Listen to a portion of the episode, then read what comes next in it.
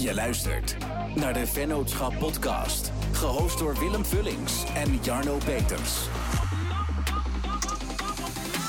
Vandaag in de Vennootschap Podcast de gast Patrick van den Hoek. En uh, stiekem kennen jullie zijn stem wellicht al. Want sinds een aflevering of nou, misschien wel 10, 20 afleveringen al is Patrick onze voice-over. Maar naast onze Mhm. voice-over is Patrick ook eigenaar van diverse radiostations in Spanje, waaronder Ibiza. Maar daar gaan we het zo Mhm. meteen over hebben. En is hij actief als stagecoach. Welkom uh, Patrick. Ja, leuk om er uh, te zijn, vanuit Nederland in dit geval. Ja, we zitten op een, uh, op een internetlijn van Amerika naar, uh, naar Nederland, maar dat komt, dat komt helemaal goed. Ja, die techniek van tegenwoordig is echt Fantastisch. fenomenaal goed. ja. ja. Hey Patrick, je bent, je bent nogal een duizendpoot, want ik was op je LinkedIn aan het kijken wat je nou allemaal deed. En uh, ja, we kennen elkaar dus eigenlijk via Jesse van Doren, waar we ook een podcast mee op hebben genomen. Ja. Ja. Misschien wel grappig, want uh, na die opname toen viel jij even binnen om een foto te schieten. En toen, toen zette je even je radiostem op. Toen dachten Willem en ik, was dit nou weer? En toen dacht je, die willen wij ook. Precies, die hebben we nodig. Want we hadden nog niet echt een intro ja. voor onze, onze podcast. En nee, nee. Nou, nog super bedankt daarvoor, want de reacties daarop zijn ook echt ontzettend positief. Dus leuk. Heel leuk. mooi, heel mooi. hey, maar um, zoals ik al zei, je bent een duizendpoot. Hoe, hoe zou je jezelf voorstellen als je, als je een onbekend iemand tegenkomt? Dat is een hele goede vraag. Je hebt erover nagedacht. um, nou ja, kijk, meestal is er niet één woord om mij te omschrijven, zeg maar. Want ik doe inderdaad, zoals je zelf ook zegt, ik ben een duizendpoot. En ik doe van radio tot voiceovers tot montages van aftermovies. Ik noem even een voorbeeld. Uh, hoe zou ik mezelf in godsnaam omschrijven? Ja, dat is bijna niet te doen. Probeer het eens. Uh, cre uh, creatief media creatieve media guy of zo. Misschien is dat wel een goeie. En als je het dan moet vertalen naar ja, specifiek wat je kunt leveren, dus aan diensten, hoe, hoe zou je het dan omschrijven? Um, nou ja, kijk, je hebt mijn LinkedIn natuurlijk bekeken, dus je weet wat ik ga zeggen. Maar, jezus, ja, dan moet ik daar een paar dingen uit gaan halen. Nee, ik denk dat vooral het stemmenwerk wat ik doe, dat het heel erg... Uh, ja, leuk is om te noemen, zeg maar. Want mensen denken dat, oh, doe eens even een stemmetje dan. Weet je, dat hoor ik dan heel vaak.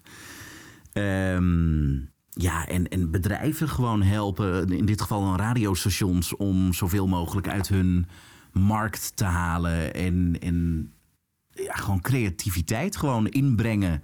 Niet alleen in mijn eigen bedrijf, maar ook voor anderen of zo. Ja, hoe moet je dat in godsnaam uitleggen? Nou, laat, laten we eens even inzoomen op, op, je, op je stem. Um, ja. Hoe ben je er zeg maar achter gekomen of hoe heb je het ontwikkeld dat je zeg maar zo goed daarin kunt zijn? Ik wist dat deze vraag ging komen en het heeft ook echt een heel leuk verhaal. Um, mijn vader werkte altijd voor RTV Utrecht, jaren geleden. En toen was ik een jochie van nou, 12, 13, wat zou ik zijn geweest. En ik mocht een keer mee naar het werk. Fantastisch. En radio had al een beetje een soort van, nou ja, mijn interesse gewekt destijds. En ja, dan mocht je in de radiostudio gaan kijken waar ja, toch een meneer zat waarvan ik zoiets had van... wow, zo'n stem wil ik later ook hebben. En op die bewuste dag, ik loop de studio in. Mark van Amstel zat daar, een uh, bekende naam uit de, uit de radiowereld ook. En die gaf mij een papiertje in de hand, omdat ik een keer wat had gezegd. En hij zei van, jij hebt een goede stem. En je gaat over, even kijken, twee minuten de verkeersinformatie lezen op Radio M Utrecht. en nou ja, ik sta daar en, en ik, ik dacht echt, ja, wat, wat uh, ik heb dit toch nooit gedaan. Ik heb natuurlijk wel jarenlang gehoord hoe anderen het doen. Bijvoorbeeld bij 538 of bij toen nog ID&T Radio en weet ik het allemaal. En toen stond ik daar. Ik deed een hoofdtelefoon op. En ik heb het gedaan. Ik was klaar. Ik zet mijn hoofdtelefoon af. Papiertje leg ik neer. Want toen hadden we nog niet echt iPads en dat soort dingen. En Mark kijkt me aan. Hij zegt, Pet, hoe lang doe je dit al? Ik zeg, met zo'n diepe stem. Ik zeg, nou ja, nee, ik, het is mijn eerste keer dat ik verkeersinformatie lees. Hij zegt, daar moet je wat mee doen. Nou ja, Mark van Amstel is iemand die heeft uh, heel veel ja, connecties bij stemmenbureaus... en doet zelf ook heel veel voiceovers. En hij heeft mij toen een keer geplucht. En mijn allereerste reclame die ik heb ingesproken was voor Haribo. Maar dat mocht natuurlijk niet te volwassen klinken. Dus dat moest een beetje als een kind klinken, weet je, helemaal zo. Mhm. En ja, sindsdien word ik volop geboekt om, uh, om mensen te voorzien... bijvoorbeeld van telefooncentrale inspreken tot uh, televisie... tot radiocommercial, tot nou, noem het maar op. En zelfs e-learning video's en dat soort dingen. En ja, dat is echt leuk om te doen. Het is, het is gevarieerd, dus je doet nooit elke dag hetzelfde ook. En ik denk dat dat stemmenwerk ja, toch wel een van de leukste beroepen of nou ja, klussen. Ja, klussen klinkt een beetje vervelend, maar beroepen ter wereld is wat, wat ik echt leuk vind om te doen. En, en hoe, kan het, hoe komt het dat jij het kunt en dat bijvoorbeeld ik, ik ben daar waarschijnlijk heel slecht in, hoe kan het dat ik dat helemaal niet kan? Is dat iets wat je dan echt ook dagelijks oefent? Bijvoorbeeld zo'n kinderstem voor Haribo? Of? Kijk, Haribo is natuurlijk even een, een, een van de voorbeelden van wat ik heb gedaan, maar ehm, doe ik daar oefeningen voor? Jazeker, ik bubbel. Zou je denken, oh, komt er nu een plaat van, uh, van Lorna of zo, weet je, met Papi Chulo? Nee, uh, geen bubbeling, maar ik doe heel veel stemtraining en ook logopedie natuurlijk. Want je moet je stem heel erg bijhouden. Ik ben van origine uh, Amsterdammer. Dus ja, ik kan natuurlijk niet zo natuurlijk een commercial gaan opnemen. Dan kijk nou eens even, weet je wat, dat, kan niet. Dus ik heb daar jarenlang logopedie voor genomen. En kijk, eigenlijk als je heel goed gaat nadenken... mensen vragen me dat wel eens... ja, waarom heb jij zo'n mooie stem en ik niet? Dat is wat jij nu ook eigenlijk zegt. Of minder stem, of hoe je het ook wil categoriseren. Um, er is geen mooie of lelijke stem in de wereld. En dan zul je denken, hè? Wat zegt hij nou? Um, ik vind zelf dat de boodschap die je brengt... natuurlijk, je moet wel een beetje intonatie in je stem. Niet zo, hallo, ik ben Jarno. Dat doe je niet, maar even als voorbeeld. De boodschap die je brengt vind ik vaak nog belangrijker... dan hoe je stem klinkt. En nu heb je nog steeds geen antwoord op je vraag. um, ja, het, het bijhouden van je stem gaat eigenlijk vanzelf. Want ik spreek op dagelijkse basis best wel veel voice-overs in. Mm -hmm. Maar ja, het bijhouden of het leren. Ja, kijk, ik denk dat je dat wil vragen. Hoe leer je om een voice-over te Is dat een beetje ja. welke kant je op wilde? Ja. Of ja? Ja, je hebt het in je of je hebt het niet in je. En dat klinkt lullig. Maar je moet je stem begrijpen. Je moet begrijpen van, oké, okay, ik krijg een script voor me. Ik krijg een A4'tje of een tablet of weet ik wat, een mailtje met een tekst. Wat wil een klant bijvoorbeeld communiceren? Hoe ga ik dat overbrengen? En ja, leren is er eigenlijk. Er zijn wel voice-over, uh, uh, nou niet opleidingen, maar er zijn wel voice-over... Cursussen? Cursussen, inderdaad. Um, cursus nieuwslezen bijvoorbeeld van Tamara Bok. Nou, dat is dan specifiek gericht op nieuwslezen. Maar ook daar leer je hoe je het beste je stem kunt gebruiken. Dus een combinatie van talent en gewoon heel veel oefenen, zoals eigenlijk met alles wat je, ja, wat je goed wil kunnen. Nou ja, kijk, mensen zeggen wel eens tegen mij van ja, je, je hebt zoveel talent.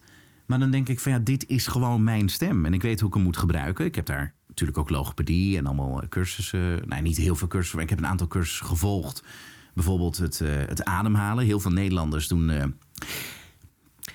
door hun mond. Mm -hmm. En dat doe ik nu ook. Maar als ik echt professioneel aan het lezen ben, dan adem ik door mijn neus. En dan hoor je me niet ademen. Zoals nu. Ja. Ja, dus het, het is een combinatie van inderdaad talent hebben ervoor. Ja, dat vind ik een beetje. Nu zitten er ongetwijfeld mensen te luisteren die hebben zoiets van: Nou, ik doe er wel niks meer mee. Maar um, je moet het snappen. Je moet snappen hoe je een boodschap kunt overbrengen met je stem en hoe je je stem daarbij gebruikt. Kijk, ik kan natuurlijk zeggen: Goedemorgen, welkom bij de Belastingdienst. Bent u, al, uh, bent u ondernemer toets 1, bent u uh, particulier toets 2. Maar je kunt er ook: Goedemorgen, welkom bij de Belastingdienst. Weet je, dat heeft veel meer autoriteit in je stem, zeg maar. En ja, dat moet je wel leren. Dat kon ik als 11, 12-jarig jochie ook niet heel goed, moet ik eerlijk bekennen. Nu, nu je die stem opzet, die tweede stem, nu uh, denk ik meteen weer terug aan toen we dus in Utrecht waren om die podcast met Jesse op te nemen. Want toen sloegen ja. Willem en ik aan van oké, okay, dit moeten we hebben voor, uh, voor onze podcast. Ja. ja, dan was ik degene, de, de, de nou ja, niet gierige Hollander op dat moment om gewoon te zeggen: hey jongens, ik spreek het wel voor jullie in. Ja, precies. Leuk, super tof. Weet je wel, ik uh, vind het leuk om mensen te helpen en uh, ja, dat. Goed, ja, en, tot zover de stem. Ja, ik precies. hou mijn mond nu dicht. Want, want we hadden het net over dat jij uh, dus met je vader meeging naar RTV Utrecht. En dat je daar eigenlijk voor het eerst bij, bij een radiozender terecht kwam en in de studio uh, dook.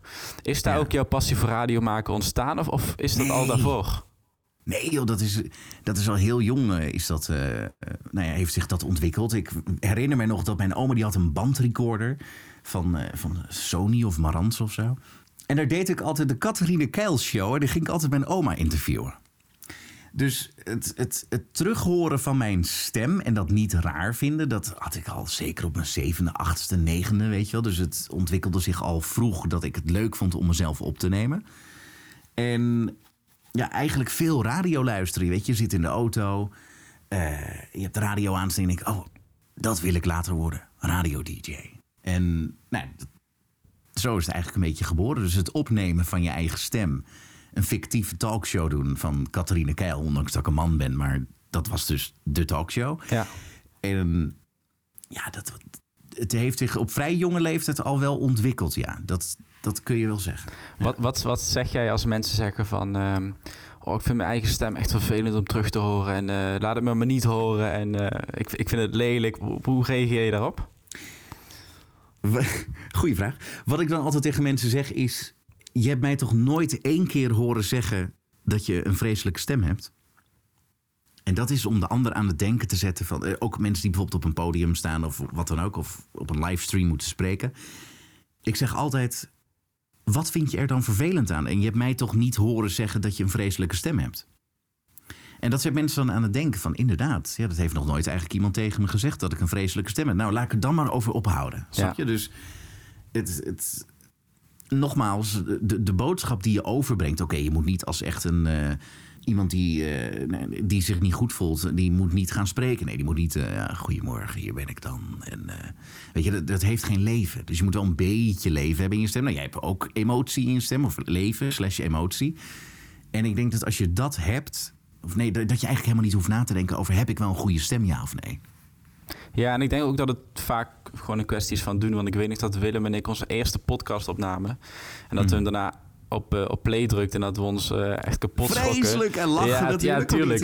En, ja, en een paar biertjes erbij, dus dat helpt ook niet echt dan met, met je Nee, dat articulatie. helpt helemaal niet. Maar ehm, ja, weet je, na een paar afleveringen ben je daar meer dan aan gewend. En ehm, we hadden nog wel eens met gasten die dan in het begin hadden van... Ah, ik weet het niet, of, of zal ik hem zelf wel of niet terugluisteren?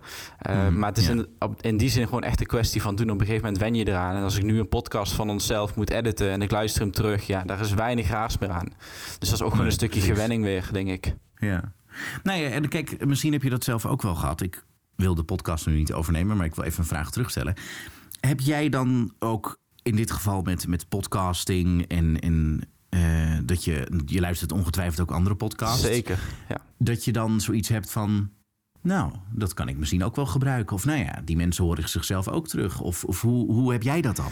Nou ja, met name als ik dan eh, eh, andere podcasts luister, dan luister ik met name naar de kwaliteit van de audio. Want daar hebben wij in het begin heel veel Oh ja, uitdagingen ja. mee gehad. Omdat we met name op verschillende locaties op. eh, de, Mm. de ruimte was lang niet altijd ideaal. Ja, nu hebben we dan de luxe dat we een studio hebben.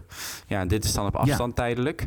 Maar, dus dat is zeg Ja. maar d- deels getackeld nu. Dus nu heb ik zeg maar ook de, de, de, meer de, de ruimte om daar meer in te gaan verdiepen. Van oké, hoe, hoe klinkt Mhm, iemand? Hoe articuleert iemand? En hoe, hoe stelt iemand Ja. zijn of haar vragen?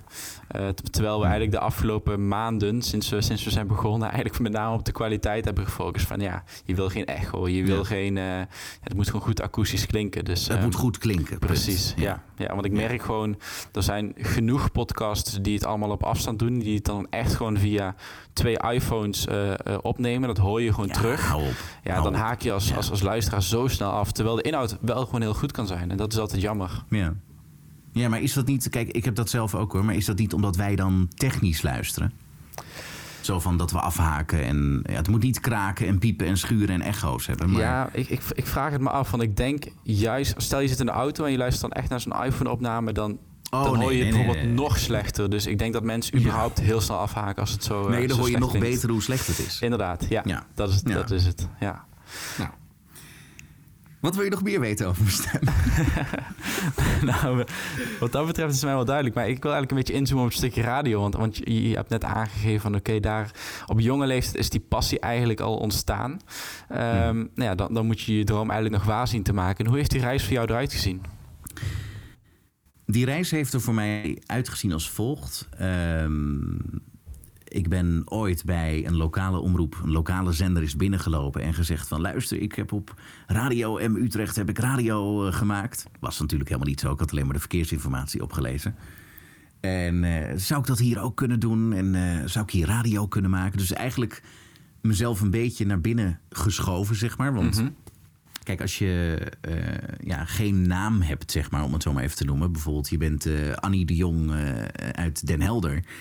Ja, eh, wie ben je dan? Weet je, dat, dat, dat is niet egoïstisch bedoeld of zo, maar zo van...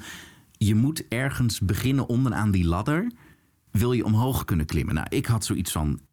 Ik stap meteen op die eerste tree. Ik ga naar binnen bij een lokale omroep en ik wees gewoon brutaal. Ik doe een leugentje voor bestwil. Uh, ik heb radio gemaakt bij Radio M Utrecht. En die mensen die keken me aan. En die dachten echt van, nou, zo'n jong broekie? Regionale omroep? Nee, dat, dat lult hij. Hoe oud was je toen? Of, ik was toen, dat was al anderhalf jaar verder. Dus ik denk, ja, schatte ongeveer 14. Dus ja, dat, dat, dat, was natuurlijk niet heel geloofwaardig dat je dan binnenkomt bij een, uh, een lokaal radiostation wat super klein was. En, en nou ja, een beetje armoedig en zo. Maar ja, die mensen die keken me aan van ja, wie ben jij? Weet je wel? Zo van, nou ja, kom maar een keer een... Uh, oh ja, ik ga verder met het verhaal. Kom maar een keer een proefopname maken. Een bandje opnemen. Nou, het was toen geen bandje meer inmiddels. Een minidisc was het toen. Maar ja, en toen ben ik daar een keer op zondagmiddag... Ik weet het nog heel goed. Het was een sportprogramma. Want bij een sportprogramma is het namelijk zo... de presentator zegt heel weinig, want je hebt verslaggevers. Dus ze dachten, nou, dat is veilig... Ga daar maar een keer bij zitten en ga dat eens een keer leren hoe dat dan werkt en zo. Nou, daar hebben ze dus een opname van gemaakt. Ik mocht af en toe mocht ik wat dingetjes zeggen. En uh, ja, dat, dat was voor mij magie. Mijn stem was op de radio en al mijn vrienden van school en, en mijn familie. En, en iedereen zat natuurlijk aan die radio gekluisterd. Want Patrick gaat radio maken. Ja. En nou ja, lang verhaal kort. Dat werd hem dus ook. Ik heb toen van maandag tot en met vrijdag heb ik een uh, radioprogramma gepresenteerd bij de lokale radio van destijds Amsterdam. En ja, dat was magie. Daar begon het voor mij. Dat was echt een, een, een de eerste tray waar ik opstapte. Zo van, ja, dit wil ik. Dit wil ik voor altijd blijven doen.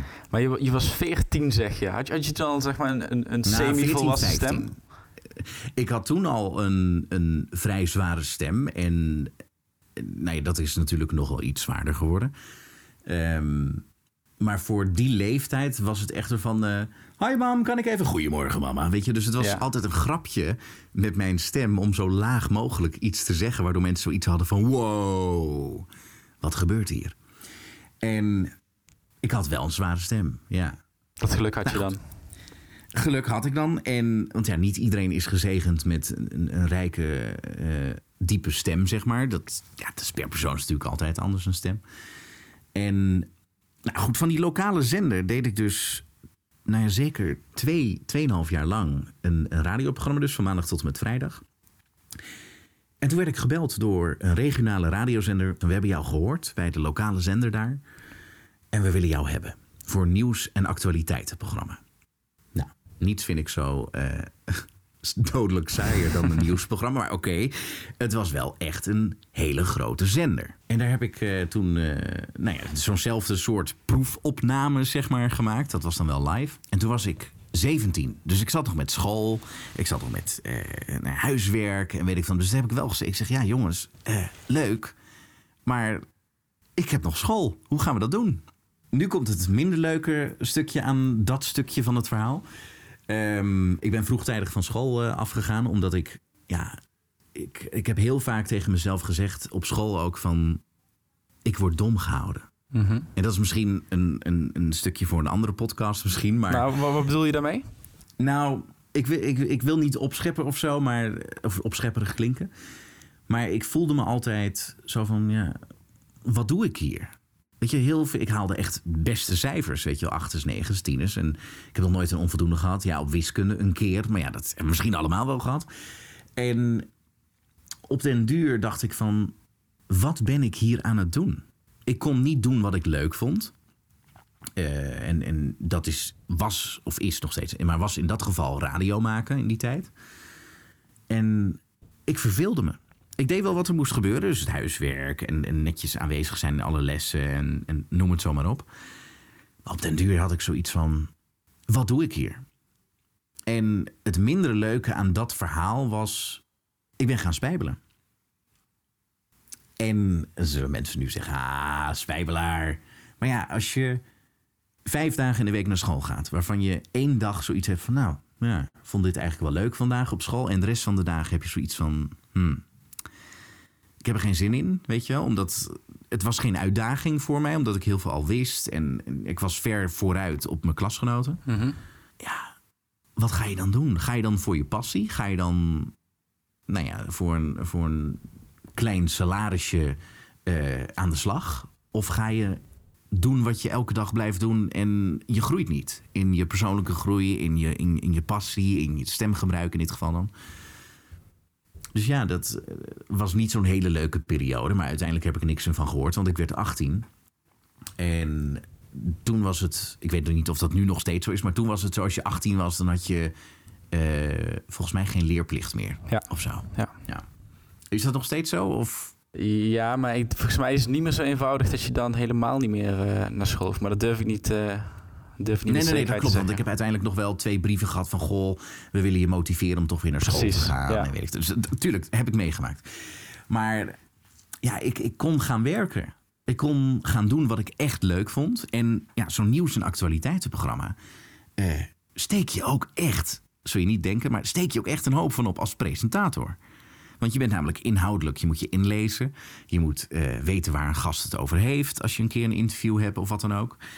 En ja, mijn algemene ontwikkeling, zeg maar... qua het, het weten wat er speelde in de wereld... of in dit geval in de provincie of in Nederland... dat droeg wel een steentje bij van... ja, dingen te weten komen. Dus het nieuwsgierig blijven en het dingen te weten komen. Ma maakte je dat ook echt nieuwsgierig naar wat er speelde in het land en ja, in de wereld? Ja. Nou, ik had dat daarvoor gek genoeg niet. Um, ik maakte een, daarvoor, voordat ik bij de regionale omroep aan de slag ging, maakte ik een uh, ja, meer muziek gerelateerd of op muziek gefocust radioprogramma. Dus het was niet echt dat je met nieuws bezig was. Had je de NOS op het hele uur, dus ja, nieuws werd al gelezen, dus hoef jij niet meer te doen. Maar het heeft me wel echt geprikkeld, zeg maar, om het nieuws bij te gaan houden. En, en is dat volgens jou, die interesse, is dat ook nodig om die boodschap, oftewel het nieuws en die actualiteiten goed over te brengen? Of is het ook wel goed mogelijk om dat gewoon zonder enige interesse, maar wel met een goede stem over te brengen op de luisteraars? Nou ja, kijk, net zoals jij je extreem goed voorbereidt altijd op podcasts, op de gasten die je krijgt, et cetera, et cetera, heb je bij een radioprogramma heb je meestal wel een draaiboek.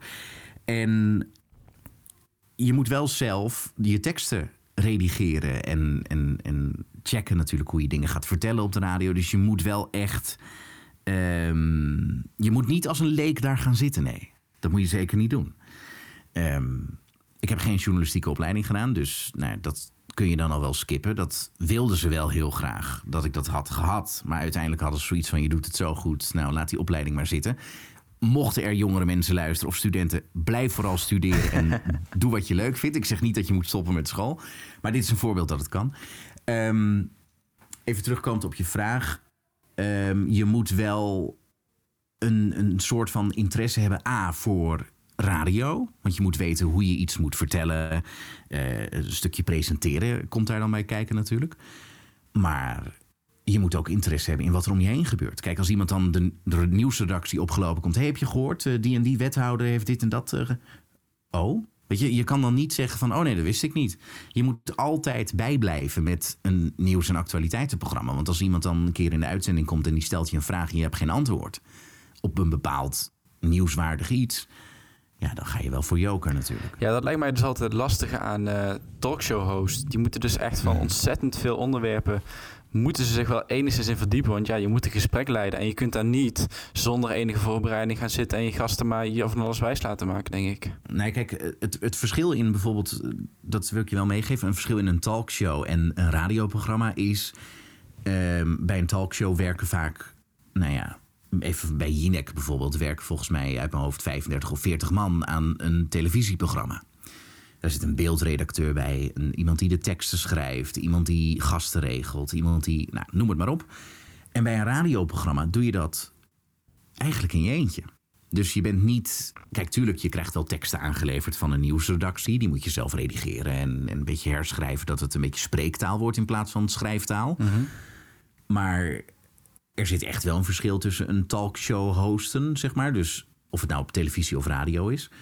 Um, dan een radioprogramma presenteren waar je een beetje nieuws brengt, zeg maar. Hey, en um, misschien maken we nu echt een fast forward naar de, naar de toekomst, een aantal jaar later. Maar um, ik ben heel benieuwd hoe jij uiteindelijk in Spanje terecht bent gekomen met je, ja, met de radio eigenlijk.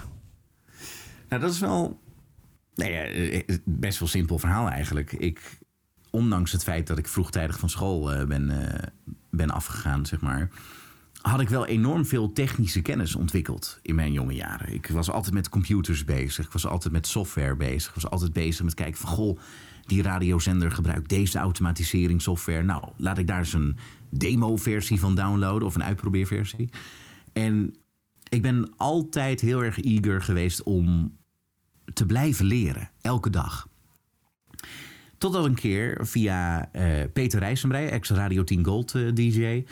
die had een vriend van hem in Spanje zitten met een radiobedrijf. Een aantal radiozenders. En die had een probleem met een radioautomatisering pakket... waar ik toevallig een jaar of anderhalf, twee jaar geleden daarvoor, zeg maar... Uh, me helemaal had in verdiept. Mm -hmm. Omdat ik het een interessant stukje software vond. En toen kwam het. Pet, zou jij naar Spanje kunnen om uh, Kees Nijs in dit geval, dat is de vorige eigenaar van de radiozenders. Um, zou je naar Spanje toe kunnen? Want ze hebben een probleem met Dalet, zo heet dat systeem, uit Parijs. Um, zou je hun kunnen helpen? Ik zeg, nou ja, tuurlijk. Weet je, Spanje zat toen nog een beetje in een soort van nou ja, recessie. Een beetje, de economie was, lag echt op zijn gat daar. En normaliter moet je 25.000 euro voor een jaar betalen, zeg maar, bij dat bedrijf wat die software verkoopt. Um, voor een supportcontract. Of je nou gebruik van maakt of niet, maakt niet uit. Moet je betalen. Dus ja, ik werd ingevlogen. Want ik was natuurlijk wat goedkoper dan die 25.000 euro. ik rekende 24,5. Maar nee, dat is een grapje. Um, en ja, de, mensen daar in Spanje zagen met welke snelheid en souplesse ik gewoon een paar technische vraagstukken even tackelde. Toen hadden ze zoiets van, uh, die moeten we houden. En toen dacht ik van, nou, ik vind Spanje eigenlijk wel lekker. Ik kan een microfoon meenemen, ik kan een computer meenemen, ik kan eigenlijk overal vandaan uh, radio maken ook. Dat, kan, dat kon toen al, dat kan nu nog. Dat kan nu nog veel beter ook. Um, en uiteindelijk ja, ben ik daar een tijd gebleven. Tot uh, grote frustratie van mijn, van mijn moeder. Mijn ouders waren destijds ook gescheiden. Dus dat lag een beetje zo van... ja, ons, ons kind zit in Spanje en is daar aan het werk... Maar we weten niet precies wat hij doet daar, weet je. Want ik was altijd druk en leuk en eten. Vooral veel eten. Um, dus dus mijn moeder een keer naar Spanje afgereisd. En die zei van... Pet, jij gaat later een bedrijf hebben hier. Ik dacht echt van, man, shut up, weet je wel. dat gaat niet gebeuren. Ik ga geen eigen bedrijf hebben. Dat ga ik nooit doen. Dat kan niet. Punt. Ga ik ook even een stroomversnelling uh, fast forward. Mm. Um, want ja, ik ben natuurlijk heel lang uh, geweest. Op en neer. Nederland, Spanje, Nederland, Spanje. En op een gegeven moment, drie jaar later of vier jaar later... toen was ik uh, 25, 24, 25 was ik ongeveer... Toen kreeg ik opeens een mailtje van de eigenaar van die radiozenders. En die zei: Pet, zou jij uh, alles uh, willen opruimen? En, en weet ik wat allemaal, want ik ga ermee stoppen. Ik denk, hè? Stoppen? Maar je moet je nog even inbeelden. Spanje was toen nog een beetje, zeg maar, qua economie.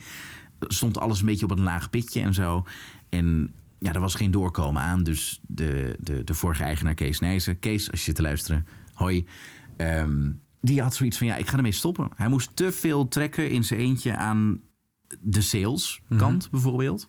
Maar ook uh, het, het, bijhouden van playlisten en weet ik wat. Dus het, er was wel een groot team, maar het kwam er niet meer uit zoals het was. En dat radiostation, of de radiostations, bestonden al sinds 2002. Bestaan al sinds 2002, ik moet niet in het verleden praten.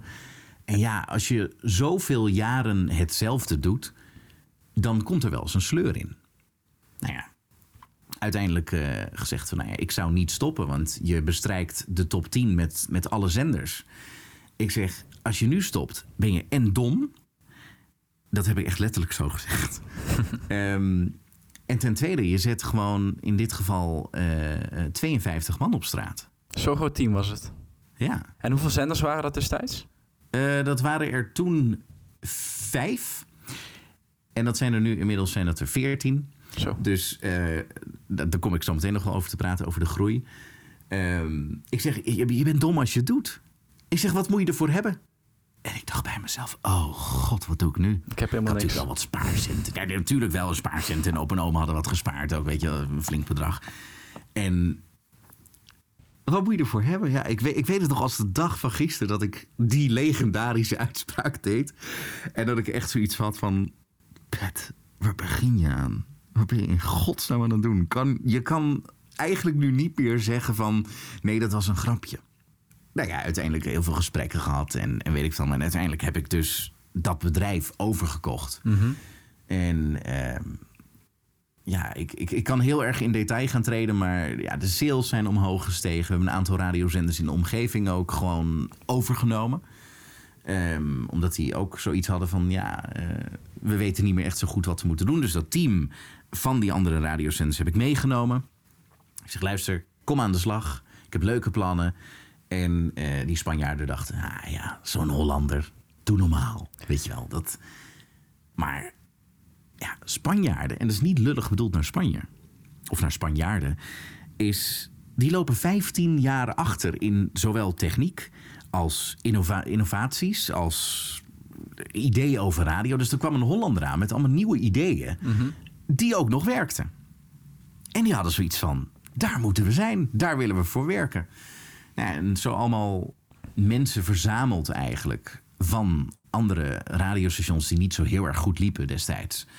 Eh, en nu heb ik een golden team en daar ben ik super trots op. Maar, van ja, maar kreeg jij dus ook in één klap de verantwoordelijkheid over 52 Ja, eh, teamleden? nou ja, goed, er was zo'n soort van transitieperiode natuurlijk. Want ik ben natuurlijk niet meteen aan mijn lot overgelaten van hier heb je bedrijf en tabé. Natuurlijk niet. Maar inderdaad, het, heeft wel even zo gevoeld. Maar uiteindelijk, ja, als die passie voor radio dan weer boven komt drijven, dan heb je zoiets van: ja, dit is een once in a lifetime opportunity. Laat ik het doen. En tuurlijk, ik, ik heb wel eens voor vraagstukken gestaan waarvan ik dacht van hoe ga ik dit in godsnaam oplossen? Ik, ik had namelijk ook helemaal geen ervaring met, met, met administratieve dingen of met facturen en bedrijfsvoering en dat soort dingen. Maar ja, daar had ik natuurlijk allemaal mensen voor. Maar ik wilde wel dat stukje ook leren. Ja. Hey, en op, op, toen je in Spanje was, toen je moeder langskwam, toen zei ze tegen jou van... hey Pet, je gaat hier over... Dat ga je toch nooit doen? Ja, maar ze zei ook van, je gaat hier een bedrijf hebben, uiteindelijk. Toen, ze- toen ze daar was. En had- toen had jij zoiets van, nee, dat gaat absoluut niet gebeuren. Maar had jij Nee, wel dat, dat als... zei ik ook tegen. Ik zeg, ben je gek geworden? Ben je dronken of zo? Maar had, je, heb ik echt gezegd. had jij wel als stiekem, ehm, en misschien dat je er achteraf een betere oordeel over kunt vellen... had je stiekem wel ergens die ondernemende geest in je zitten? Of is dat echt pas later gekomen? Hmm, ik denk dat ik dat altijd wel gehad heb. Kijk, ik stond altijd vooraan eh, met, met dingen die klassikaal moesten bijvoorbeeld. Of eh, vroeger op het, op het podium, of op het, op ja, podium zeg maar op de basisschool... wilde ik altijd de hoofdrol hebben. Dus in dat opzicht qua ondernemend zijn en... en ja, nee, dat is, is iets heel anders misschien. Maar het, ik denk dat het daar wel uit is voortgegroeid, zeg maar. Of uit voortgevloeid, hoe zeg je dat? Ehm, dat het ondernemende had ik zeker wel. Want ik wilde altijd wel me overal mee bemoeien. En dat kan een goede, goede eigenschap zijn. Dat kan een slechte eigenschap zijn. Nou, er zijn de meningen over verdeeld geweest. Ehm, maar dat ondernemende had ik altijd wel al, ja. Ja. Zeker. Hey, Ja. En toen eh, nou ja, was je inmiddels eigenaar van de diverse radiostations, van de radiozenders. Ja. Ja. ja, toen ging het balletje rollen, denk ik, hè? Nou ja, een balletje.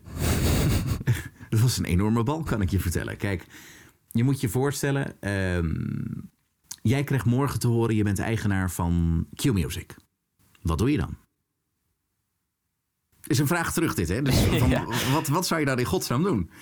Kijk, als je ondernemer... eh, geen onder, nou, niet ondernemer bent... maar wel dat ondernemende in je hebt...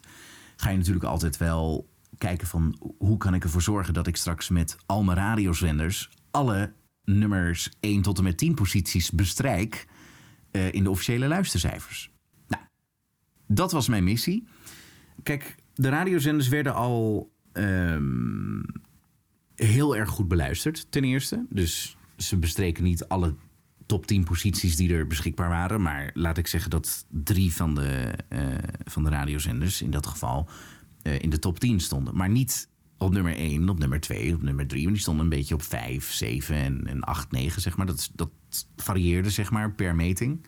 Toen dacht ik van, ik moet iets gaan doen om die nummer één positie te gaan bereiken. Dus niet alleen nummer één positie, want er waren natuurlijk meerdere radiostations. Dus hoe ga je daar dan je aandacht over verdelen? Nou, dat zal ik zo meteen nog wel even uh, op induiken. Um, de groei heb ik uiteindelijk ingezet door te gaan editioneren. In Spanje is het namelijk zo: je kunt adverteren bij bijvoorbeeld uh, Los Cuarenta. Dat is zeg maar de radio 538 van Spanje. Maar je kunt niet tegen Los Cuarenta zeggen: van hé, hey, ik heb een winkeltje in, uh, in Denia of op Ibiza alleen. Uh, kan ik ook alleen maar uitsluitend in die regio's adverteren? Ja. Dat kan nog steeds niet bij die radiozenders. In Nederland hadden wij een uh, stukje software van, uh, van Calliope. Dat is een Nederlandse uh, man, Norbert Deelstra, die is heel slim geweest. Die heeft voor Radio NL hebben ze een, een, een stukje software ontwikkeld... dat reclameblokken individueel per zender aan te sturen zijn. Dus je kunt je voorstellen, wij hadden zeg maar qua sales... hadden wij maar één ding te verkopen. Dus voor een bakker op de hoek was het niet heel interessant om bij ons te gaan adverteren. Omdat ze dan ook te horen waren bijvoorbeeld in Alicante of uh, in Denia of op Ibiza. Ja, dus dat was niet interessant. Het was dus alleen interessant voor de hele grote partijen die over het hele land Exact. verspreid zaten. Ja, ja. En natuurlijk, de, de, de grote namen als Ikea, Lidl, Vodafone, Mobistar, noem het maar op, die hadden we. En we hadden ook wel een paar van die kleine accounts, zeg maar, kleine adverteerders voor kleine ondernemers. Maar dat, dat bleef achter en ik, had, ik begreep nooit eigenlijk waarom dat was. Totdat ik op het moment eh, tot het besef kwam dat ik in de auto zat en ik zat naar Los Cuarenta te luisteren. Uh, en ik hoorde de zender steeds haperen tijdens de reclame. Dus toen dacht ik van, hé, hey, die zenders lopen niet synchroon. Want je hebt natuurlijk meerdere frequenties voor een radiozender nodig als je een grote dekking hebt. Toen dacht ik van, hé, hey, dat synchroon, uh, dat, dat heb ik niet, dat probleem. Toen ging ik naar de reclame luisteren en toen dacht ik van... hoe vet zou het zijn? Dat was gewoon een idee wat in mij opkwam. Hoe vet zou het zijn als ik een, een, een, een bakker op de hoek... om het zo maar even te noemen, in Altea... dat is een mooi plaatsje in, uh, in Spanje ook... Um, kan laten adverteren in Altea. Maar niet in Denia, Ibiza en Benidorm bijvoorbeeld. Ik noem even wat, uh, wat plekken. En toen kwam ik dat stukje software tegen door gewoon heel slim te googlen. Edities radio. Want in Nederland hadden we het dus al, maar nog niet in Spanje. En ja, sinds dat ik dat heb ingevoerd, zijn lokale ondernemers als, nou ja, als we het toch over bakker op de hoek hebben, als broodjes over de toonbank gegaan, zeg maar. Of nou ja, gekomen eigenlijk. Ja, dat heeft wel echt voor een groei gezorgd. Omdat ja, je, je doet al sinds 2002 doe je één ding. En dat is één editie, om het zo maar te noemen. En ja, dan komt er een pipo uit Nederland met iets slims. Waardoor je dus je sales gewoon met 600, 700 procent in een kwartaal ziet stijgen. Ja.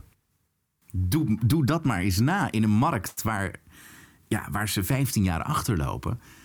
Uh, kom daar maar eens met een idee aan wat ze daar niet kennen en nog nooit hebben gedaan en niet snappen. Nou ja, en dat heeft gewerkt. Dat, is, dat heeft echt gezorgd voor de groei. Mooi om te zien ook dat uh, je bent sinds klein altijd bezig geweest met, met software, met de nieuwste technieken, met demo-versies ja, ja. uitproberen. En uiteindelijk, heeft, ja, uiteindelijk heeft software ervoor gezorgd dat je dus die extreme groei hebt kunnen realiseren in omzetten. Ja, ja. Kijk, het, het automatiseringspakket waar ze destijds nog mee werkten, kon dit niet wat ik in mijn hoofd haalde. Van hé, hey, dat hebben we in Nederland, waarom kan dat niet in Spanje? En toen dacht ik van ja, laat ik maar gaan migreren naar een ander stukje software. En ik ga het gewoon een keer proberen. En ja hoor, het werkte. Ja. En het was stabiel. En toen ben ik met de mannen van de sales... want we hebben nu in totaal, even uit mijn hoofd... Uh, 22, 23 man op de sales.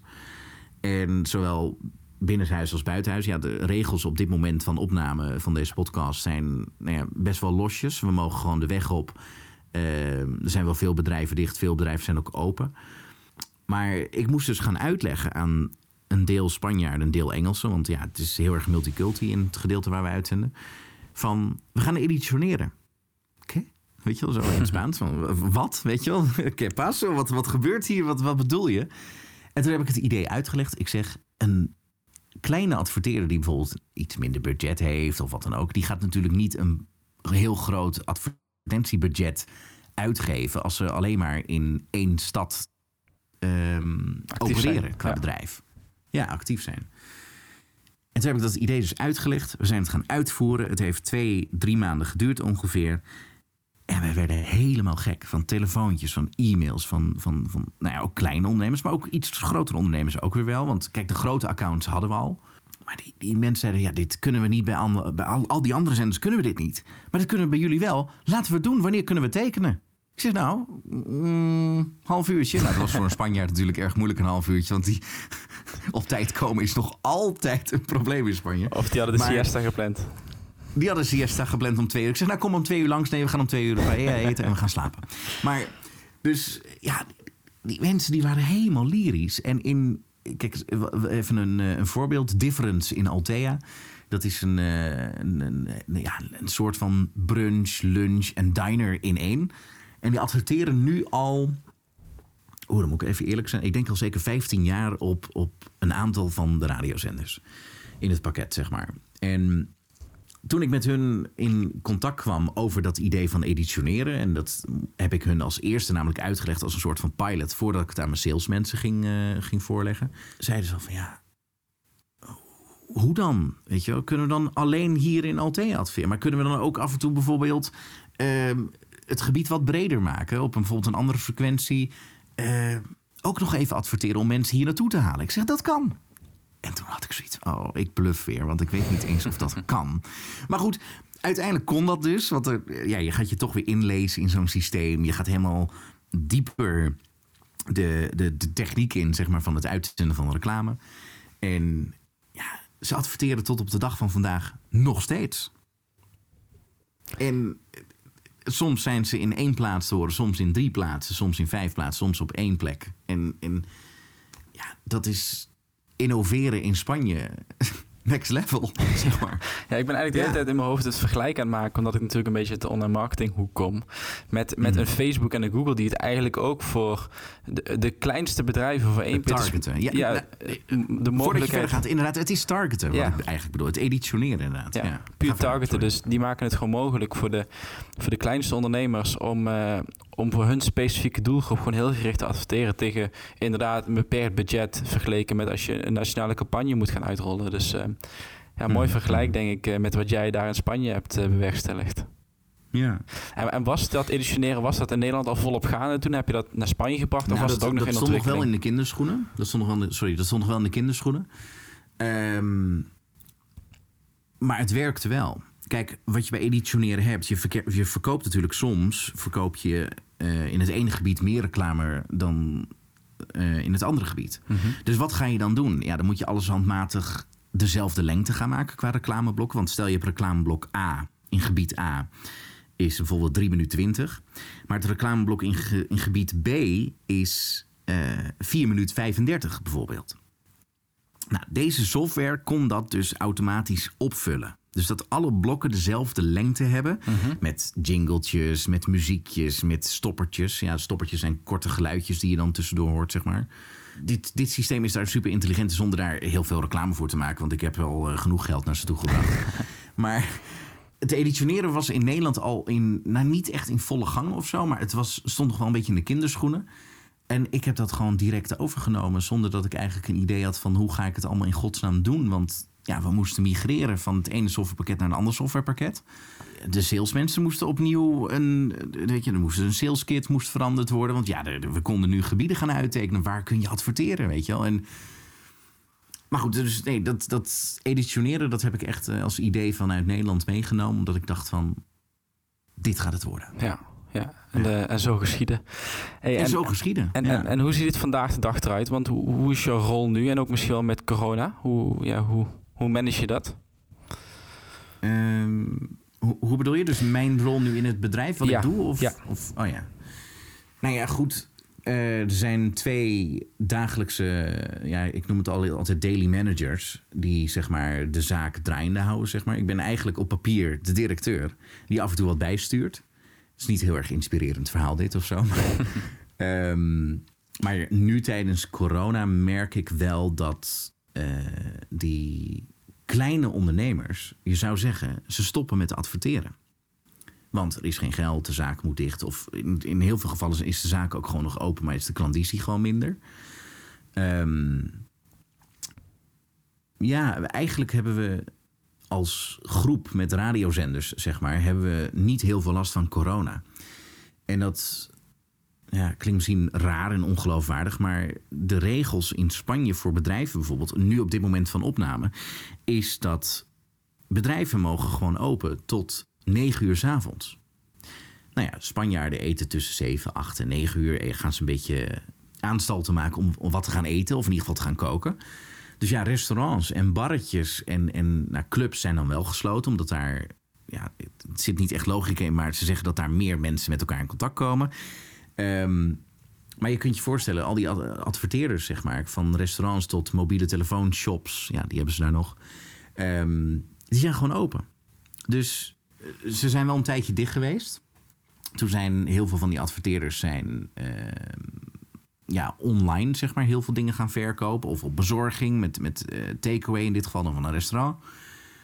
En ja, dat heeft, het heeft nooit stilgestaan, het bedrijfsleven in Spanje. En dat is opmerkelijk, want in Nederland klaagt iedereen stenen en benen. In Spanje wordt er ook wel geklaagd, maar dat zijn meer clubs en ehm, ja, echt bedrijven waar heel veel mensen moeten zijn, zeg maar, of willen zijn.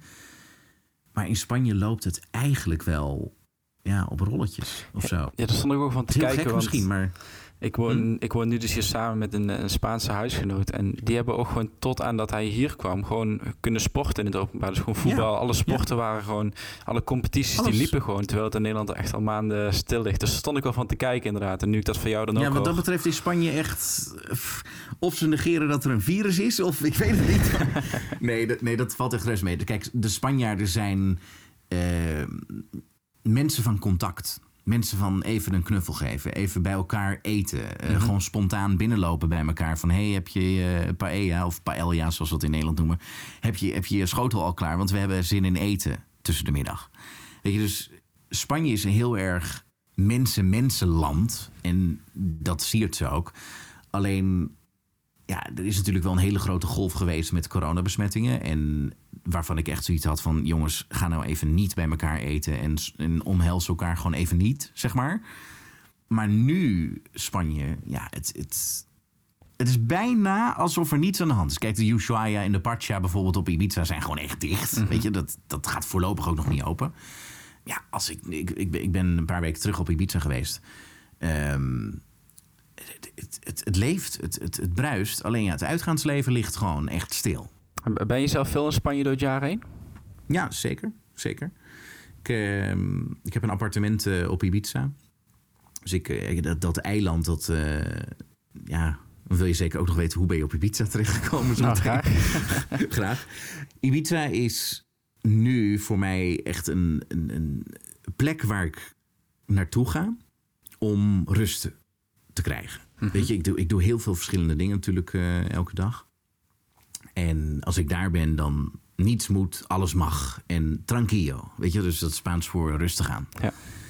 En het ding is, is dat Ibiza heeft iets, nou ja, magisch klinkt misschien een beetje weirdo. Maar de rust daar, de, het klimaat. Uh, ik zal je bijvoorbeeld een voorbeeld geven. In Nederland heb ik heel snel dat ik buiten adem ben, transpireer en, en piepende longen. En op Ibiza heb ik dat gewoon helemaal niet. Misschien omdat er ook minder industrie is en dat soort dingen, tuurlijk. Maar het klimaat daar en the way of living, zoals ik het altijd noem, is daar gewoon heel fijn. Wat mij, uh, wat mij nu oh, echt opvalt, ik volg, uh, die zal je ook al bekend zijn, oud-radio-dj Michael Pilarczyk. Die volg ik... Uh, Jazeker, goede vriend Michael. Ja. Kijk, ja. Die, die, volg ik nogal op de voet. En Let op wat je zegt, hè, want ik ga meteen bellen anders. Ja, dat doe ik, dat doe ik. Nee, het is louter positief. Maar die woont ook op Ibiza al jaren. Klopt. En van, van hem uit zijn podcast en uit zijn video's hoor ik dus echt precies hetzelfde van wat jij nu zegt. Van de rust, mm. de ja, echt de way of living, zoals je net mooi omschreef. Dat is, schijnt zo magisch zoals hij zegt The way of living. Ja, inderdaad. ja. ja, dat schijnt echt iets, iets magisch te hebben. Ja, ja, kijk, dat is wel heel erg leuk om te vertellen. Ik ben al uh, nou, zeker drie, vier jaar heel erg goed bevriend met Michael. En we zijn in elkaar, met elkaar in contact gekomen. Omdat hij een aantal technische vraagstukken had. Nou ja, daar heb ik hem mee geholpen. En sindsdien zijn we echt, uh, echt hele goede amigo's. En praten we veel over het leven. We praten veel over... Uh, goh, jij als ondernemer, eh, heb je wel voldoende rust? Nou, ik gebruik zijn meditatie-app ook en dat soort dingen. Dus ehm, het, het, kijk, wat, wat hij ook heeft gedaan is, hij was Nederland zat. Ik ben niet per se Nederland zat of zo, maar ik heb af en toe wel zoiets van, ik wil nu even de rust opzoeken. Patrick, waarom ga je dan niet naar de Veluwe of ga je lekker naar Renesse op een vakantie? Sorry, op een vakantiepark. Het is het weer en de mentaliteit van sommige mensen hier die me gewoon echt niks trekken. Maar kijk, Ibiza is voor mij eh, gewoon tot rust komen. Oh, mijn, mijn Siri gaat af van mij ondertussen. Moment. Ehm, maar leuk momentje in de show. Ehm, ik zet hem even uit hoor. Zo. Kijk, het mooie van Ibiza is dat je. Er heerst gewoon rust.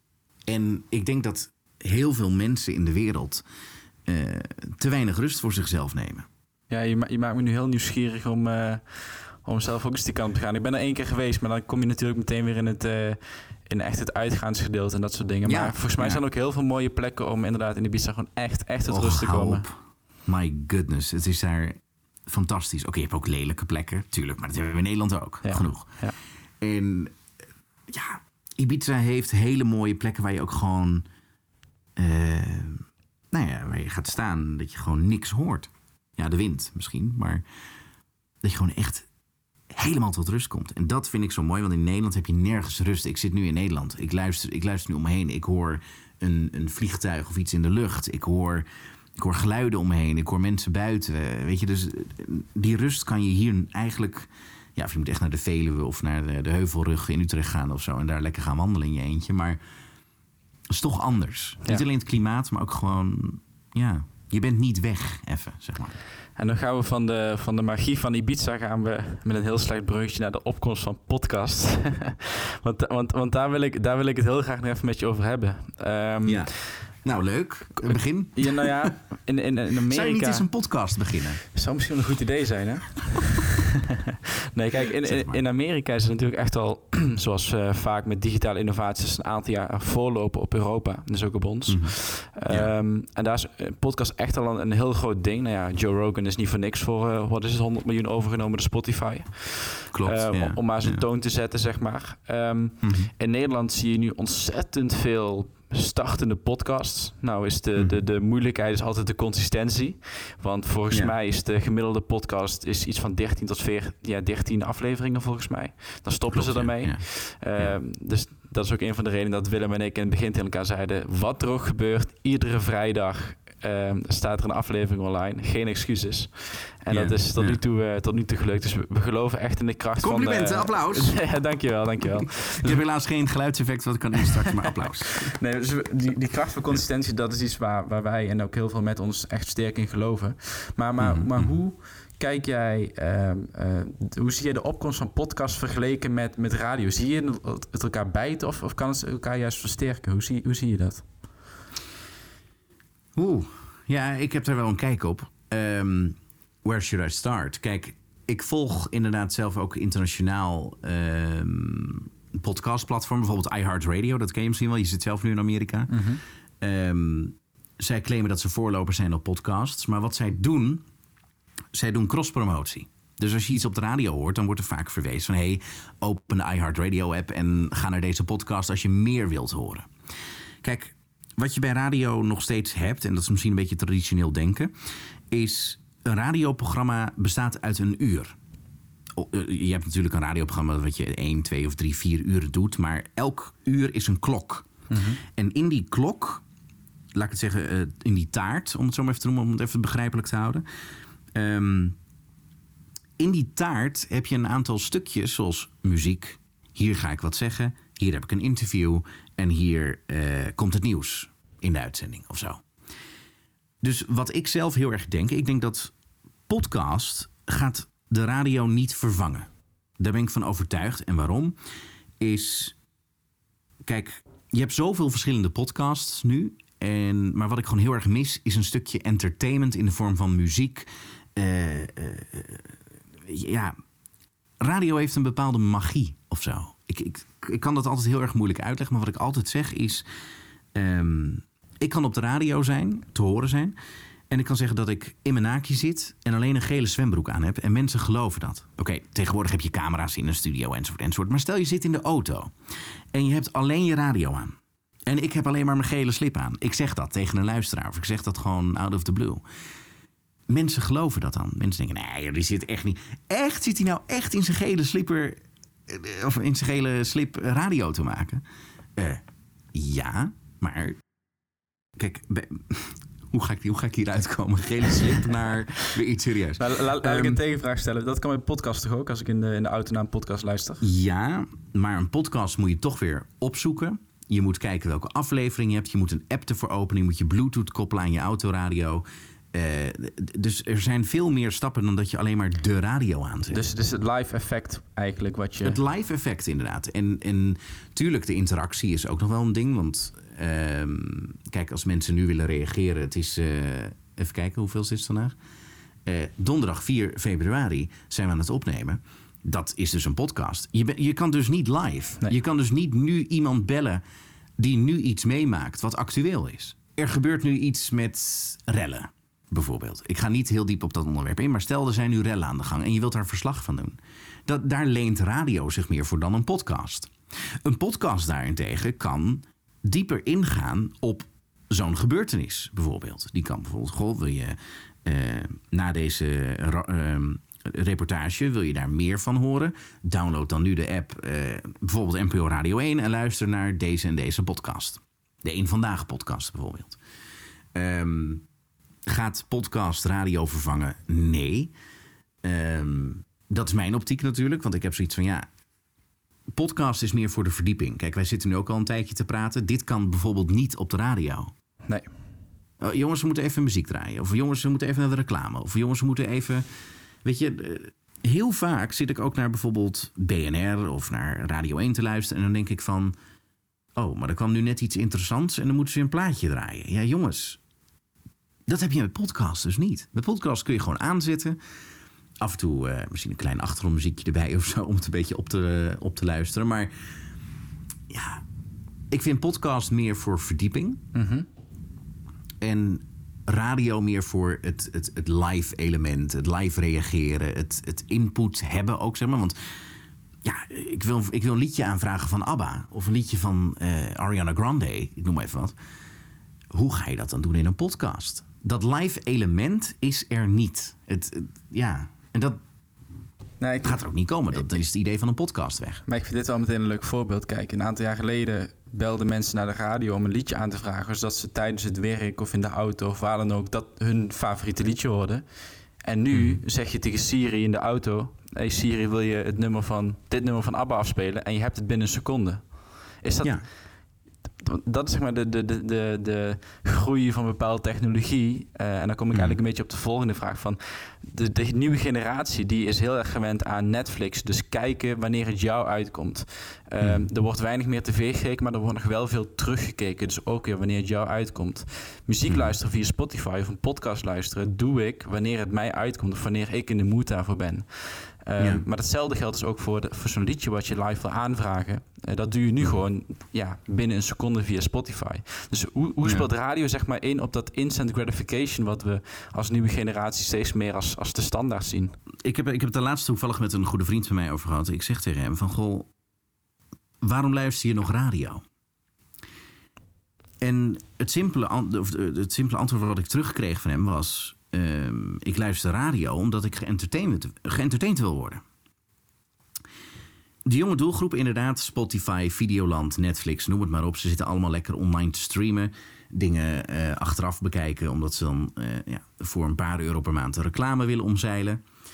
Maar neem even als voorbeeld voor de jonge generatie dan. ehm Lil Kleine of Boef, die gaan een interview doen bij radiozender Funix. Funix plaatst daar een kort videootje, een korte teaser over, bijvoorbeeld op Instagram en op, eh, op Snapchat. En die zeggen dan van, hey, vanmiddag om vier uur kun je luisteren naar een interview met eh Lil Kleine of Boef, noem even een artiest. Ehm, jongeren gaan dan uiteraard wel die radio aanzetten. Want dat ligt namelijk in hun interessegebied om te horen wat Leeuw Kleine of Boef te vertellen hebt, of Ja. heeft. Dus kijk, dat is Eigenlijk moet je even social media en al die on-demand platformen even als podcast zien. en live radio als live radio. Eigenlijk komen we op hetzelfde terug. Is dat het versterkt elkaar. Dus als ik nu op Instagram zou neerzetten... hey, ik, uh, ik ben straks uh, live op Slam, uh, twee uur lang, dit, dat, zo, zo. Ik heb die en die te gast. Hebben mensen een reden om die radio aan te zetten. Dus gaan ze niet passief luisteren. Dus even onderweg naar de, naar de Appie of naar de Lidl.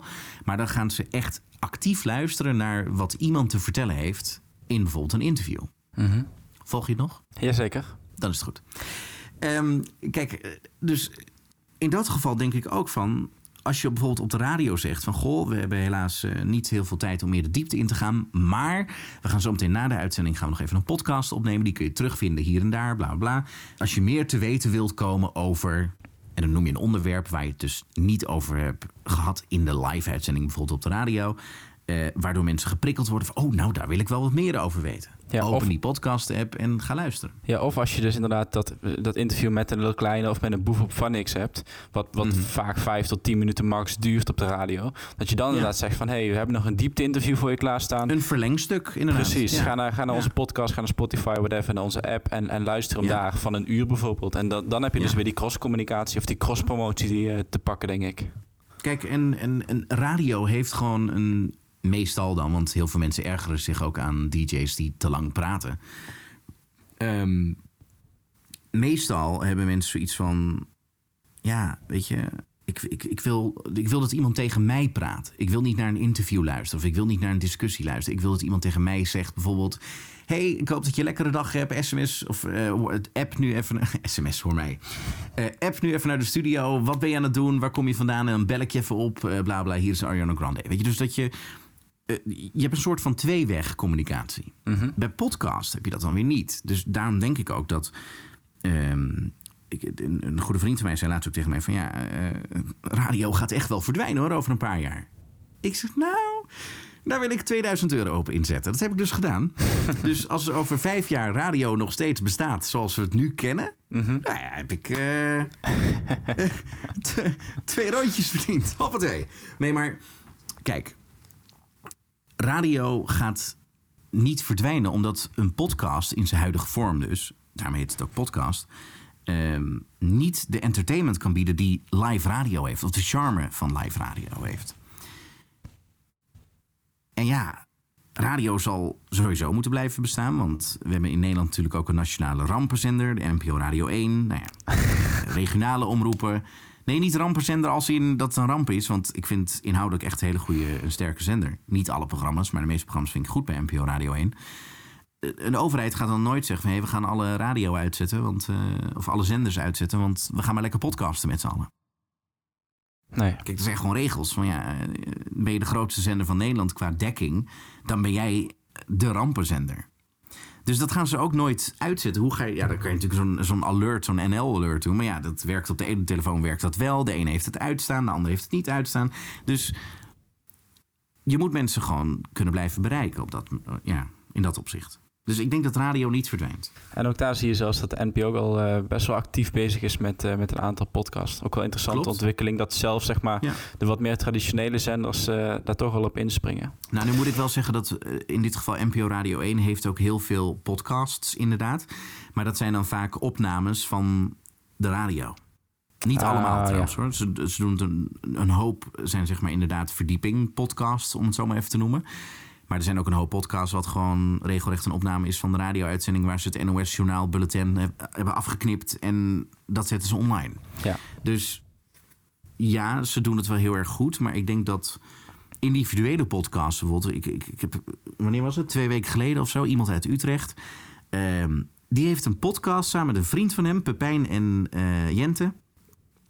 En die hebben het gewoon over wijn elke aflevering gaan ze een fles wijn proberen. Denk van ja, ook dat is verdieping. Weet je, als je.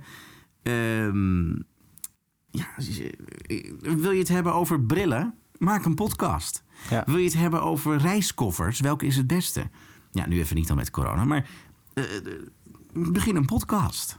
In dat kan je niet op de radio. Je kan niet op de radio.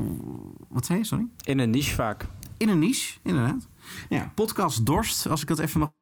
Fantastisch leuk. Maar dat is dus een van de voorbeelden waarvan ik zoiets heb van... dat is nou een entertainment podcast. Ja. En dat zou ik nou ook op de radio willen horen. Nou, dat was mijn, eh, was mijn volgende vraag eigenlijk. Of jij, of jij de ambities hebt om zelf een podcast te starten. Ik ben ermee begonnen.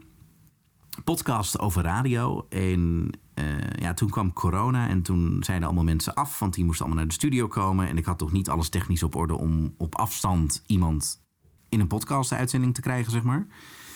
En toen had ik zoiets van, nou, ik ga me eerst maar eens focussen met wat gaat er nu gebeuren met corona? Wat betekent dat voor mij? Wat betekent dat voor mijn bedrijf en zo? Ik ga het wel weer oppakken. Tuurlijk, ik heb gepresenteerd eh, op, op radio. En ja, als je dat kan, dan kan je ook een podcast hosten. Nou, dat heb ik al gedaan, podcast over radio. Ehm, leuke eh, scoop wat ik al mag weggeven. Ik heb Patrick Kikken en Jeroen Kijk in de vechten weten strikken. Kijk, Voor de, voor de eerste komende afleveringen. Die gaan we volgende maand opnemen. En, Patrick heeft eh, ook een, eh, een grote podcast, hè? Ja, klopt. Ja, groot. Ik ben de grootste. Nee, groot, maar... nee, ja, wat is groot? Ja, kijk... Dat is ook wel een ding. Bijvoorbeeld een podcast over radio. Ja, Annie de Jong uit Den Helder gaat er niet naar luisteren. Want die vindt het leuker om dingen te horen over beauty en fashion. Het is wel leuk om te doen. Maar je kan nooit eigenlijk zeggen... we zijn de grootste podcast van Nederland of zo. ook. Nee. Want Ja, ben je in een bepaalde sector of in een bepaalde branche. Ja, uiteindelijk zou je het kunnen sturen op luisteraantallen. Maar ja, de vraag is of je dat, eh, of je dat schaapmeter wil Ja. hebben. Ja. Wat zegt het? Precies. ik bedoel... Ja. hey eh, Patrick, ik ga nog wat snelle vragen stellen. En dan gaan we hem langzaam afronden. Oh, daar we zijn, eh, we zijn weer flink aan het, eh, aan het lullen. Ja. Ehm, ik ben benieuwd waar je nou eh, het meest trots op bent na je hele ondernemersreis. Gewoon in het algemeen, of Ja. bedrijf of wat? Oh, gewoon in het algemeen. Het meest trotse ben ik, en dat gaat misschien heel raar klinken, maar op het feit dat ik ben gestopt met school en dat ik mijn passie achterna ben gegaan. En daarvoor gevochten heb om dat ehm, ja, te kunnen gaan doen. En is dat omdat het op dat moment een moeilijke keuze was? Nou ja, kijk, je bent nog geen 18 op dat moment en je hebt een leerplicht. Dus ja, er kunnen wel wat dingen op je afkomen waarvan je zoiets hebt van dat je een, moment een leerplichtambtenaar aan je deur krijgt en dat je ouders een boete krijgen of weet ik veel wat. Ik weet niet precies hoe dat allemaal gaat, maar Zeg je dat misschien ook omdat je eh, je soort van aan jezelf bewezen hebt dat het inderdaad de goede keuze was? Dat je daarom zo trots Ja. op bent? Ja, ja kijk, het leven is natuurlijk een en al keuzes maken, continu. En ik denk dat die keuze, ik denk dat als ik nu nog op school had gezeten, nu nog had ge- gestudeerd, lekker in een, in een pak op een uni- universiteit rondlopen, weet je, dat soort dingen. Denk, ja, had ik daar, eh, ja, had ik, had ik daar gelukkig van geworden, denk ik dan. Dat, dat is wat ik me dan af zou vragen. Gewoon, wat zou ik in godsnaam hebben gedaan als ik die keuze niet had gemaakt? Dus gaan werken in plaats van mijn school afmaken. Ik denk dat eh, Michael Pilacek heel trots is op die keuze. Op jouw Eh, keuze. Dat heeft hij meerdere malen uitgesproken. Eh, maar het, kijk, hij zegt nooit tegen iemand: ga van school af. Niet direct, zo zegt hij dat niet. Maar hij zegt wel van: probeer meer te leren dan alleen hetgeen wat je alleen op school meekrijgt. Wees een student voor het leven, zegt hij. Ja, student voor het leven. Dat, dat, dat is. Ja, weet je, ik leer elke dag. Ik probeer ook elke dag iets nieuws te leren waarvan ik nog niet zo heel veel af weet. Of blijf leren. En als Ja. je op school zit, blijf studeren. Wat, Wat wat? allemaal bond van, de, bond van de scholieren op me af. Hoe zeg je de bond van de. God, hoe noem je zoiets? Van, ja, jij eh, zegt dat je van school af moet gaan. Nou, eh, krijgen we dat. Patrick, wat is je grootste radioblunder? Eh, ja. Ja, oh god. Ehm, ik heb een keer in de uitzending iemand gehad die klonk alsof die, nou ja, dronken was of zo. Maar dat was gewoon hoe diegene praatte. Mhm. En wat ik toen heb gedaan, dat was live. Eh, waar was dat? Moet ik even nadenken hoor. Eh, dat was bij de regionale omroep destijds. En daar had een interview. Het was een heel saai gesprek, omdat die man dus echt helemaal zo praatte en zo. En die was ook af en toe niet te verstaan. Dus ik maakte al een keer de opmerking. Ik zeg, eh, ik was best wel brutaal in die tijd. Nu nog steeds af en toe wel. Maar ik zei zoiets van... eh, jongens, gooi even teletextpagina 888. Ik kan die man niet verstaan. Er zaten een paar mensen bij mij in de studio. Maar op dat moment hoor ik hetgene wat ik zeg in mijn hoofd. Ik denk, oh nee, die microfoon stond nog open. En op het moment dat ik dat deed, die man die kon er gelukkig om lachen. Hij zei van ja, inderdaad, ik hoor het wel vaker en zo. En, eh, het, het is zo, als ik er nu weer over nadenk hoe dat toen is gegaan. Want op een gegeven moment zou je denken, ja, Patrick, je maakt dezelfde fout niet nog een keer. En dat gebeurde. Ik, eh, twee minuten later in dat gesprek zei ik... Oh nee. Let op. Toen- ik, heb, ik heb er denk ik nog... Ik ga het opzoeken en als, als dat fragment er... Als ik het kan vinden, moet je het erin stoppen. Ja, gaan we doen. Ehm, ik zei op een gegeven moment fluisterend... Maar ja, die microfoon was super gevoelig. Ik zei, is die man dronken of zo? en dat hoorde die man dus. En dat was dus ook in de uitzending te horen. Ik, ik ga dat fragment echt voor je opzoeken. Ik hoop dat ik het kan vinden, want dat moet er echt in. Maar ja, dat zou top zijn. en eh, die man die werd wel een beetje kribbelig. Van, nou, Pet, ik ben een verhaal aan het houden. Maar die, dat verhaal dat interesseerde me dus niks. Want het ging niet, ik weet niet meer waar het over ging, maar het interesseerde me niks.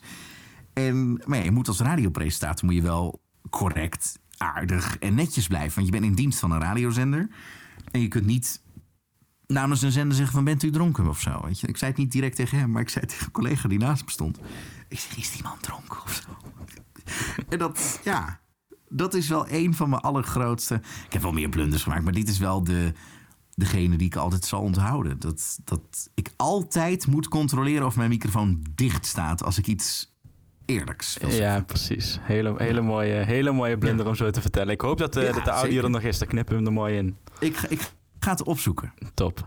Hey Patrick, heb je een, heb je een leestip voor ons? Of, of lees je helemaal niet? Ja, ik, ik ga toch een soort van promopraatje houden. Think and Grow Rich van Ah. eh, Michael Pilarczyk. Ja. Ehm, twee keer gelezen al. Ik ben nu voor de derde keer aan het lezen. En toch heb je elke keer weer iets nieuws wat je eruit haalt. Eh, nieuwe inzichten, nieuwe, eh, ja, nieuwe ideeën, nieuwe dingen waarvan je denkt van... hé, hey, ik heb dit boek al twee keer gelezen en nu kom ik weer iets tegen. Nou, ik moet het even arceren, weet je. Ik Ja. zit altijd met zo'n marker in zo'n boek eh, te, te, te kalken. Maar dat is echt een hele goede leestip. Mijn tip aan de ondernemers zijn om een boek om echt te gaan lezen. Ja, uiteraard. Ik vind het echt een mooie tip. Sluit ik me, sluit ik me helemaal bij aan. Mooi. je, had het net, je had het net over de podcast Dorst. Heb je nog een andere eh, favoriete podcast die je veel luistert? Ja, zonder dat het een te veel Michael Pilarczyk promo praatje Vind ik niet erg. Ik, ik luister best wel veel podcasts, maar ehm, ja, de Leef je mooiste leven podcast vind ik heel erg mooi. Ehm, omdat dat gewoon niet alleen maar over het leven gaat, maar ook over ondernemers, hoe zij dingen hebben gedaan. Ook ze hebben interessante gasten en ja, wat voor podcasts nog meer. Ehm, ja, ik luister zelf heel vaak naar Miss Podcast is, eh, van, eh, van Misha Blok van NPO Radio 1. En dat is meer omdat zij af en toe gasten in de uitzending heeft. Ehm, het is niet een podcast-podcast, het is een opgenomen radio-uitzending eigenlijk. Waarin ze gasten uitnodigt, bekende Nederlanders heel vaak. En dan aan de hand van een aantal geluiden gaat ze vragen...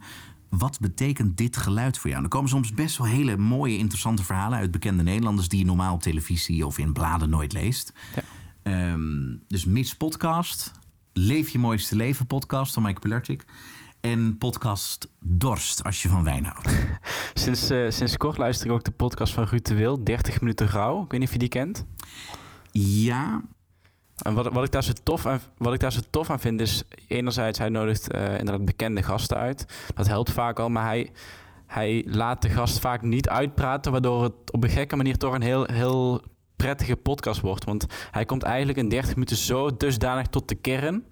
dat je eigenlijk na 30 minuten, 30 minuten hebt van... ah, ik weet precies het verhaal van, van deze persoon. Ja. Ik vind. Ehm, ik vind het ook een mooie podcastserie, inderdaad. Alleen.